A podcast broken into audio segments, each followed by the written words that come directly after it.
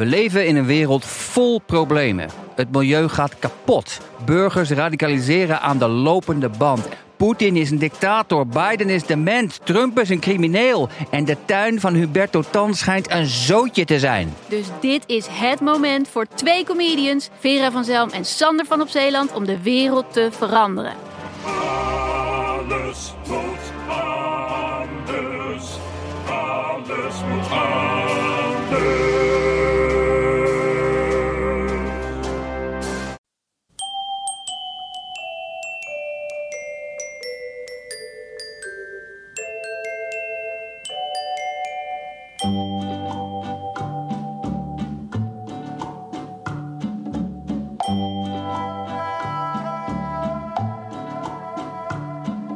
Welkom bij aflevering 142 van de Echt Gebeurd podcast, waarin waargebeurde verhalen worden verteld door mensen die ze zelf hebben meegemaakt.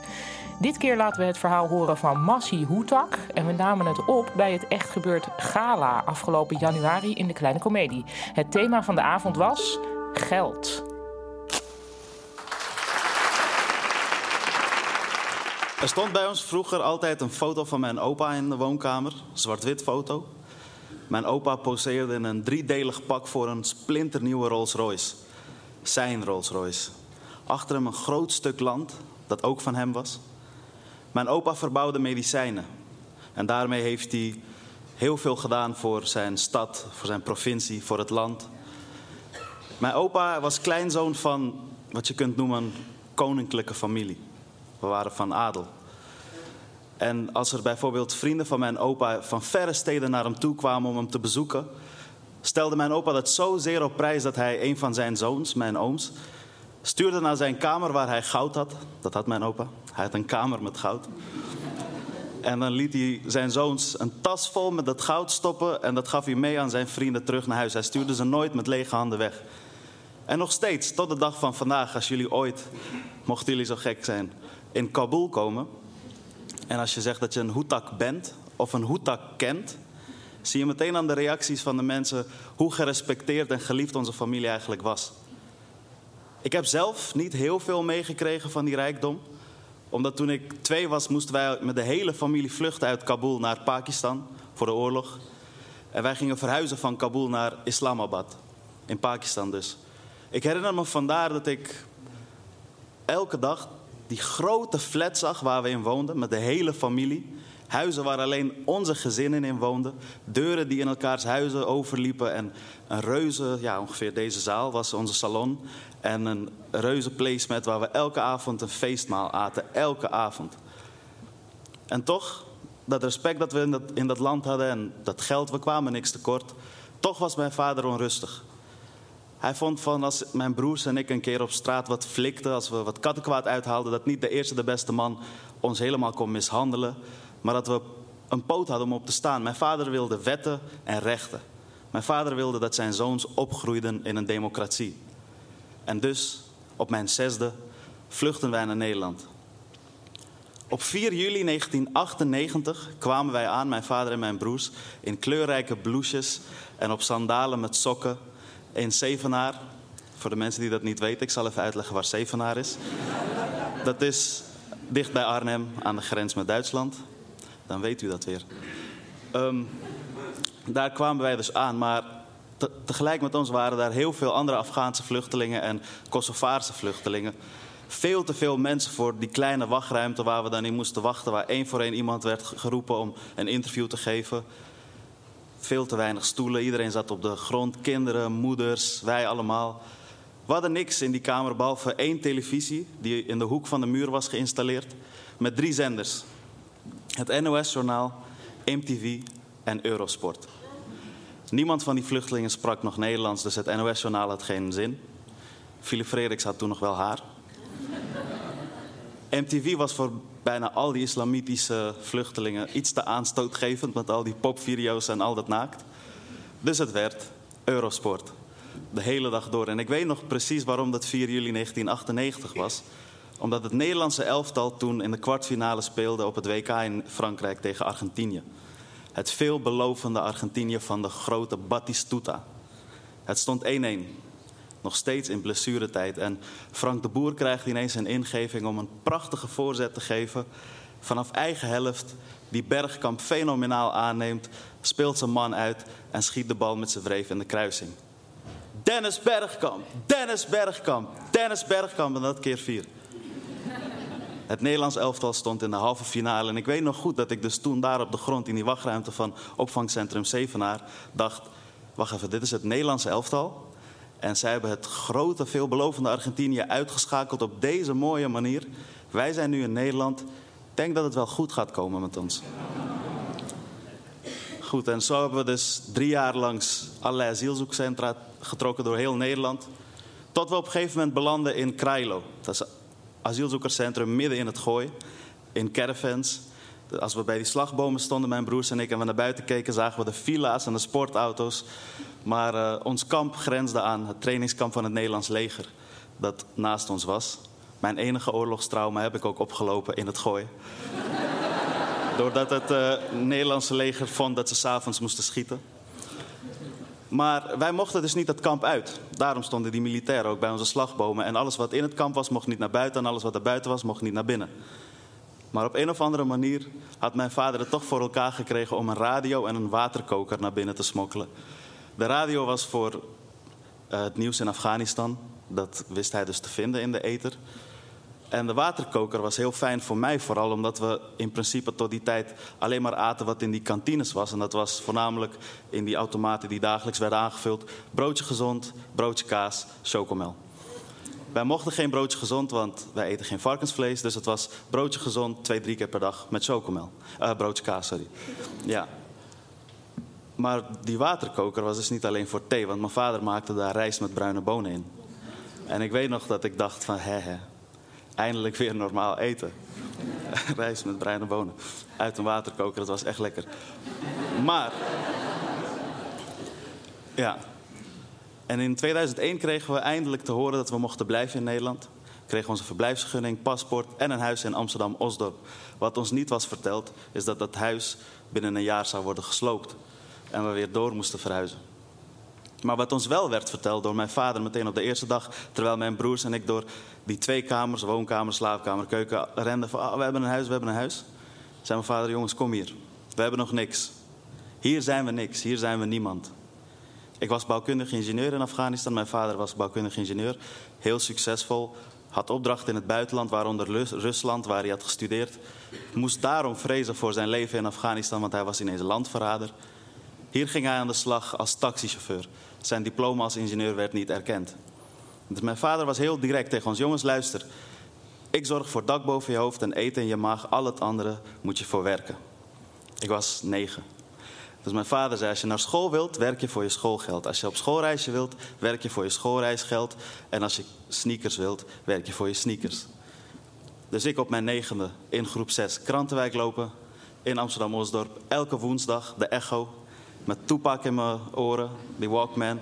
Dagdromend over mijn rapcarrière in de toekomst als superster. En mijn buurjongen was toen Gregory van der Wiel, die dus in het Nederlands elftal heeft gespeeld in 2010 onder andere. En wij hadden dus al niks, maar op een of andere manier hadden we wel een PlayStation. En Gregory kwam een keertje een joystick lenen, die heeft hij nooit meer teruggebracht. Bovendien kregen we te horen van jullie moeten hier binnenkort uit. Gingen we verhuizen naar Amsterdam Noord. Weer zo'n grote flat, dit keer een veel te klein huis, twee kamers, eentje voor mijn vader, eentje voor mijn broers en mij. Daar zaten we dan, in Amsterdam-Noord. Ik nog steeds Krantenwijk natuurlijk, hè, want ik moest naar school. En ik wilde het liefst ook elk jaar mee op schoolreis. En daar moest voor gewerkt worden. Dat deed ik tot de tweede, derde, vierde klas. Op een gegeven moment in de vijfde klas was ik oud genoeg. En vond ik het ook leuk geweest met Krantenwijk. Ik wilde een ander beroep. Ik wist dat ik van baan moest wisselen toen ik in de vierde klas nog steeds Krantenwijk liep. Uh, ik ging werken in de C1000. Voor de mensen die dat niet weten, dat is... Oh jawel, jullie zijn allemaal oud. Jullie weten het. Uh, ja, de, C, de C1000, de supermarkt eh, ja, dat was onderdeel van ons winkelcentrum. Dat stond, dat vond plaats en vindt plaats. Tegenover de flat waar wij woonden, midden in de wijk waar ik ben opgegroeid. Daar werkten school, eh, klasgenootjes van mij, buurtgenoten. Het was een soort van thuiswedstrijd. Dus ik ging daar werken. Een goede vriend van me had me daar ook voorgesteld aan de baas. En ik bleek zo goed vakken te kunnen vullen... dat ik binnen de kortste keer hoofdemballage werd. Hoofdemballage houdt in dat je hoofdstatiegeld bent. En dat houdt in dat je dus eh, een telefoon krijgt en een sleutel. Dus als mensen bij de statiegeldapparaten moeite hadden met hun eh, flesjes en met hun kratten, dan drukten zij op een knop en dan ging mijn telefoon af. En dan liet ik alle koek vallen. Rende ik naar de emballage waar ik de sleutel van had en hielp die mensen. Ondertussen zat ik in de vijfde klas en dat was in de vierde klas zo opgehyped door al mijn klasgenoten. En ook vrienden die al eerder in de vijfde hadden gezeten. Van in de vijfde ga je naar Rome. In de vijfde ga je naar Rome. En Rome kost 230 euro. En ik neem 200 euro mee naar Rome. En ik neem nieuwe kleren mee naar Rome. Ik neem nieuwe sneakers mee. En ik dacht, oh shit. Ik moet echt geld gaan sparen. Ik moet minimaal 500 euro hebben voor Rome. Ik wist dat ik daar niet bij papa moest, eh, voor moest aankloppen. Dus ik dacht op een gegeven moment van wacht eens even. Als ik die mensen help met hun statiegeld... kan ik ook mezelf helpen met hun statiegeld. Dus dat heb ik een keer geprobeerd. Er kwam een meneer langs zaterdagmiddag, geholpen, hij ging weg. Ik hield de deur nog even open, deed nog een paar kratjes. Draaide de bon uit, 10 euro, 9 euro. Nam hem mee, leverde hem in bij de servicebalie, kreeg dat geld. En ik dacht, hé, hey, ik denk dat ik weet hoe ik aan mijn zakgeld moet komen aan Rome. En aan mijn sneakers. En dat deed ik een tijdje en ik werd maar niet gepakt. Op een gegeven moment werd ik eh, zo overmoedig. Dat ik mijn diensten begon op zaterdagochtend om 7 uur. Dan zijn alle luiken dicht, de winkel gaat pas om 8 uur open. Maar ik was om kwart over zeven al bonnen aan het draaien. En wat ik was vergeten, was dat dus het tijdstip op de bonnen staat. Ja, ik ben daarna wel weer dus eh, heel snel zuivel gaan vullen. En eh, zoals ik al had verteld, deed ik dat niet onverdienstelijk. Maar mijn broer eh, kwam langs die middag. Hé hey Massie, hoe gaat het? Ja, gaat goed. Zeker trouwens, kun je even deze bon voor mij inwisselen bij de servicebalie en het geld voor me bewaren? En hij keek ernaar. En ik dacht, ja, dat gaat hij doen. Hij keek er niet eens lang naar. Hij keek er even naar en hij zei, waar ben je mee bezig? Ik kon geen antwoord geven. Hij zei, ben je vergeten wie wij zijn? Ben je vergeten waar wij vandaan komen? Wij zijn geen dieven, hè? Als jij straks vrij bent, dan ga je zien. En hij liep weg. En ik heb de rest van de middag chips gevuld met buikpijn. En ik had het niet verwacht, maar op een gegeven moment stond de baas, Huub, stond naast mij met een zwart-wit foto, een A4. Massie, ken jij deze man? Ik kijk op de foto, ik zie mijn broer. Ik zeg nee. Het is een vage foto, ik kan het niet zien. Weet je het zeker? Die heeft een uh, emballagebon ingeleverd van kwart over zeven. Jij gaat toch over de emballage? Ja. Is het van vandaag? Ja. Ik heb geen idee, maar wat ik niet wist is dat Huub al lang alles al had uitgezocht. Hij wist dat het mijn broer was. Vrienden van vrienden, die, met wie ik dat deed, hadden me al gesnitcht. Gesnitcht betekent uh, verklikt. Verraden. Dus hij wist eigenlijk alles van mij. Hij had er een soort van zijn missie van gemaakt: van ik ga Massie nu een levensles leren. En ik, maar nee, ik ken het niet, ik weet het niet. En ik, en ik dus niemand snitchen. Want hè, dat deed je niet in de Noordzijde, dacht ik. En dan zei Huub, oké, maar Massie, kom eens even mee naar boven. Ik zeg, ja, maar ik moet al die dingen nog vullen. Nee, kom even mee naar boven. Ik moest mijn uh, sleutel en uh, telefoon even aan David geven. Die mij dus had gesnitcht. En we gingen naar boven op Huub zijn kantoor. En daar zei hij tegen mij dat hij dus al lang wist. Dat hij wist dat het mijn broer was en dat hij me een kans gaf om eerlijk te zijn. Maar ik was niet eerlijk geweest. En zei hij van, Massie, het enige wat ik eigenlijk nog wil weten... Ik ben ontzettend in je teleurgesteld en ik was zo van plan om je nog allemaal toffe aanbiedingen te doen. Ik had grootse plannen met je. Je zou hoofdbrood worden. Misschien zat er zelfs hoofdkassa in. Maar waarom? Massie, waarom? En toen liet ik alles vallen, alle ontkenningen en leugens. En ik zei, ja, we gaan dit jaar naar Rome. Ik ben aan het sparen voor Rome. We hebben het thuis niet zo breed. En ik moet 200 euro zakgeld meenemen. Ik moet minimaal vier nieuwe sneakers meenemen. En de reis alleen al kost 230 euro. Hij knikte begripvol en echt een fractie van een seconde dacht ik, ah, hij begrijpt het. Maar Huub zei, de politie is onderweg, Massie, en je bent op staande voet ontslagen. Midden in de wijk op het winkelcentrum waar nota bene mijn vader elke dag doorheen loopt, word ik afgevoerd, geboeid, 15-jarige jongen, door de politie, achter in de auto. En ik word mee, uh, ja, mee uh, gereden naar het politiebureau. Waar ik vervolgens drie tot vier uur lang volgens mij in de wachtruimte heb gezeten. Ik ging meteen opdrukken, want dat zag ik in hip-hop en ik werd, ik werd door allemaal verschillende mensen verhoord van. Uh, hele vage mensen. Een mevrouw, een of andere maatschappelijk werkster, moest ik even mee gaan praten in een kamer.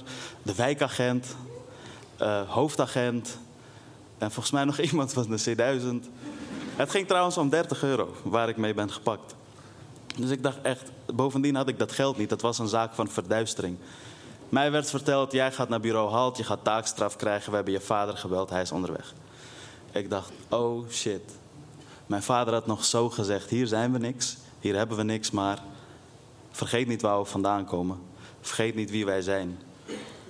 En kijk wat ik had gedaan. Dus mijn vader haalt me op, kijkt me niet aan. We zitten in de auto, hij rijdt ons naar huis. Kijkt recht strak voor zich uit en zegt: Weet je, ik had het van Ali verwacht.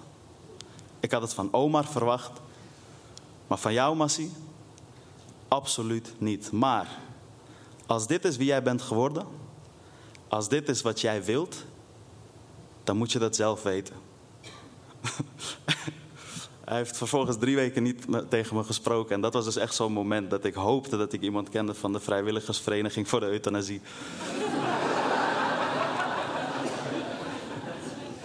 maar enige waar ik aan kon denken is: Godzijdank heb ik die reis naar Rome inmiddels bij elkaar gestolen en betaald. En ik heb 100 euro zakgeld en twee nieuwe sneakers. En ik ging mee naar Rome.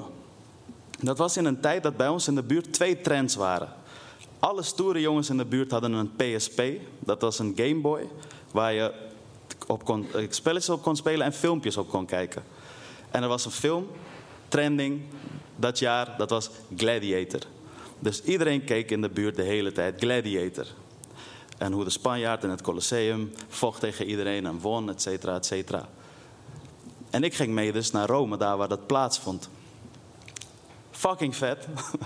ik loop daar tussen die ruïnes van, weet je, wat, wat het fundament van onze westerse wereld is. En voor het eerst een beetje flikvlooien met meisjes. En flikvlooien is een understatement. Maar uh, katten kwaad uithalen met mijn vrienden. Ondertussen ook gewoon Sixtijnse kapel zien, Colosseum. Super vet. En echt heel stiekem met mijn geld, weet je. Gewoon, ik had 100 euro. En uh, ik had op de laatste dag nog 20 euro over. En dan gingen we naar zo'n plein met een heel mooi fontein. Waar volgens mij Hindoestaanse vluchtelingen of illegale van alles liepen te verkopen. Keycords, paraplu's, het was 20 graden of zo. En uh, horloges. Eén van ze verkocht een Breitling horloge. Ik wist dat het een Breitling horloge was, want ik kende het model, want mijn vader had een Breitling horloge.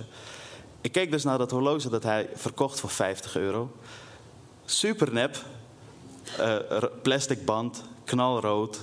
Cijfertje 3 was er al uitgevallen. Maar dat maakte niet uit. Ik moest dat Breitling horloge hebben. Ik moest dat gewoon hebben, want als ik dat op mijn pols had, dan wist iedereen weer wie ik was. Waar ik vandaan kom en wie wij zijn. Dus ik had het helemaal afgedinkt naar 20 euro en ik had het gekocht van mijn laatste 20 euro in Rome. Het horloge heeft het niet eens een nacht volgehouden. Maar toen ik terug was in de buurt en ik liep zo op het pleintje, boys nog steeds op PSP's, Gladiator kijken, liep ik erheen en zei ik, wat kijken jullie? Ja, Gladiator, kijk, dat is die vette scène. Spaniard. Ik zeg, oh ja, is in het Colosseum toch? Ja, ja, ja, daar was ik gisteren. ik had geen geld, maar ik was fucking rijk.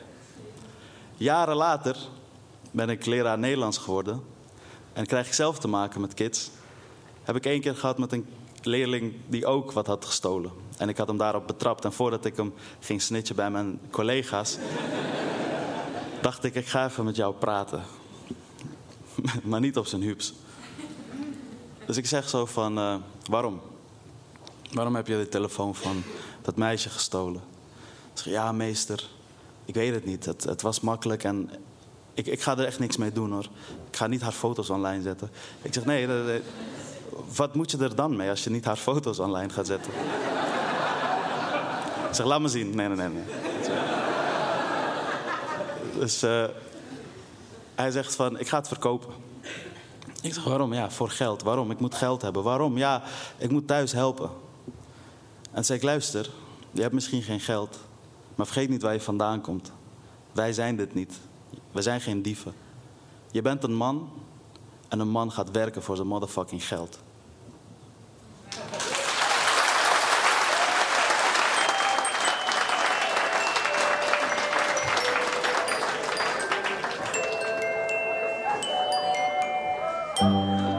Dat was het verhaal van Massi Hoetak, opgenomen op het Echt Gebeurd Gala in de Kleine Comedie. We organiseren vast nog wel een keer een gala, maar nu is het eventjes zomer. En in september beginnen we weer met onze reguliere Echt Gebeurd middagen in Toemler, onder het Hilton Hotel in Amsterdam. Ga naar echtgebeurd.net voor de precieze data, dus niet .nl, maar .net. En meer informatie over het thema van de middag. Je kunt je op diezelfde website ook opgeven voor onze nieuwsbrief. Of je kunt je aanmelden om een verhaal te komen vertellen. Want dat mag dus iedereen komen doen. Of om te komen voorlezen uit je puberdagboek. En wie komt vertellen wordt begeleid door ons, zodat het verhaal zo goed mogelijk verteld wordt. De redactie van Echt Gebeurd bestaat uit Maarten Westerveen, Rosa van Toledo, Micha Wertheim en mijzelf, Paulien Cornelissen. Rosa van Toledo doet ook de productie en de techniek is in handen van Nicolaas Vrijman. Dat was het weer. Over twee weken komt er weer een nieuwe podcast online. Tot de volgende podcast dus. En onthoud, als je ooit in Kabul komt, zeg dan dat je een hoetak bent.